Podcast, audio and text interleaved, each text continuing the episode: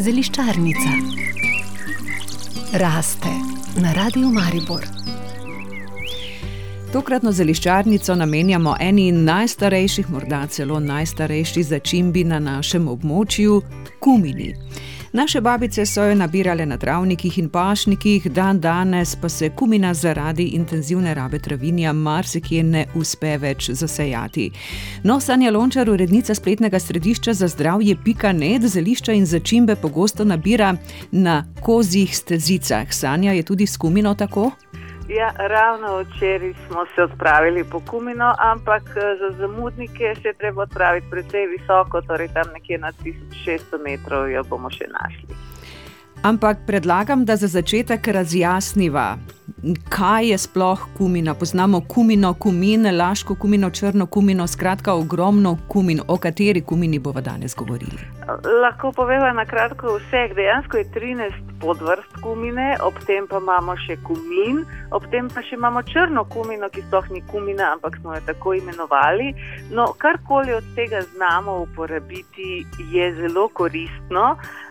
Za vse pa velja, da so to res izjemno koristne rastline, ki naredijo veliko, veliko dobrega v našem telesu.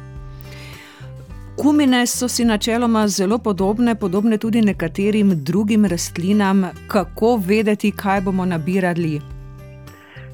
Za kumino je najboljše imeti ob sebi nekoga, ki je izkušen in vam res na terenu pokaže razlike, treba je biti natančen, ker kobulnice v tej skupini imamo tudi strupene rastline in posebej zdaj, ko želimo nabirati semena, ostane zelo malo listkov in drugih razpoznavnih elementov, po katerih jih identificiramo, zato je pozornost še večja.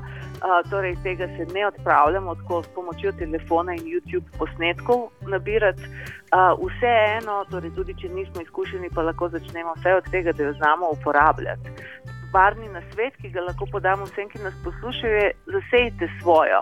Zdaj je pravi trenutek, da se kumine zasejo, karkoli, črna kumina ali navadne kumine. Zasejmo jih nekje, ker jih bomo znali najti in s tem, da jih prvo vzgojimo na lastnem vrtu, dobimo en pravi občutek in jih potem brez težav prepoznamo tudi v divjih krajih. Zakaj pa sploh sejati, nabirati kumino, pri čemu se nam lahko pomaga? O, kot prvo, to, kar bomo res sami posejali, to ne bo strojno očiščeno, to ne bo tavalo in plavalo z enega konca planeta na drugi.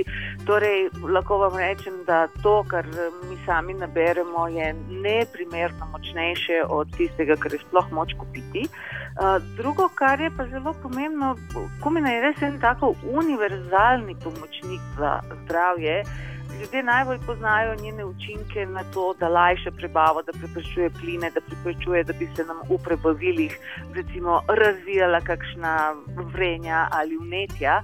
Ampak kumina zmore bistveno več kot to. Da nimo za vse ljudi, ki imajo malo težave z diabetesom, je to izredna varovalna rastlina, ki varuje ledvica, ki uravnava sladkor in kar je zelo zanimivo, to počne inteligentno. Torej, če je sladkorja preveč v krvi bo kumina zelo pomagala, torej aktivirala se bo, da znižuje raven sladkorja, če pa imamo povsem normalen, ga ne bo znižala.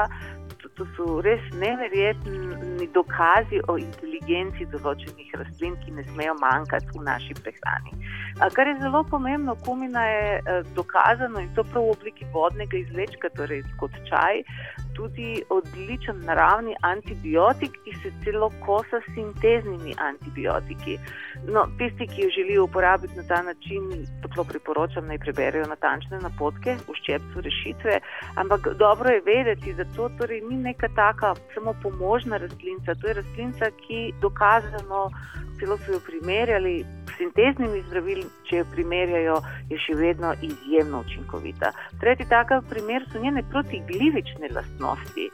Recimo, ko so primerjali učinke, ki jih dosežemo, ko naredimo močen kumin čaj in s tem tretiramo denimo glivice na nogah, so ugotovili, da je učinek celo boljši, kot če uporabljamo standardno zdravilo, ki ga verjetno vsi poznajo, nistatin. Torej, obstaja veliko razlogov, da kumino spoznamo, tudi razstrupljanje je ena izmed, tako, kako bi rekli, močnih adutov kumine, pa uh, v krvi uravnava maščobe. Uh -huh. Pa tudi zelo, gla, tudi zelo glasno bakterijo helikobakter, ki povzroča uh, želočno razjedo, uničuje. Ja, Pa vsem, ki imajo upočasnjeno prebavo, pa malo manjka želočne kisline, tudi zelo pomaga. Torej, zdaj veste, zakaj sem včeraj vse dan nabirala kumino. Zdaj za vodne izvlečke oziroma čaje bomo imeli uh, cela zrna, kaj pa sicer priporočate, nekateri kumino zmeljajo naprej, ker pravijo, da nekako ne prenesejo, da bi nekaj občutili med zobmi. Ni bolje, če jo svežo stremo. Seveda, eterično olje je zaščiteno, narava ga je zavarovala s to ovojnico in kumina je ena izmed tistih začimnic, ki se izjemno hitro razdišijo. Torej, če jo hočemo mleti naprej, potem moramo oksidacijo preprečiti, najboljše tako, da jo takoj umešamo v eno trdo maščobo. Jaz zato imam svoje zeliščna, razno razna masla, torej tako jo zamišljam kokosovo maščobo, dam v kozarček in potem dobim močno, močno aromatizirano kokosovo maščobo, ki jo potem dodam v kakšno jed. Druga možnost pa res priporočam, ne bodimo leni, en ščepec grobe soli in ščepec kumine lahko v desetih sekundah popolnoma stremo v prahu možnarju in tako vedno na jedi dodajamo sveže zmleto. Torej, ni treba, da škriplje med zubmi, ampak naj ima svoje polne moči. Sanja Lončar, urednica spletnega središča za zdravje Pikanet, čas se nam je iztekel. Hvala za tokrat in vse dobro do danes teden, ko se znova slišimo. Hvala in vse dobro tudi poslušalcem. Zeliščarnica raste na radiju Maribor.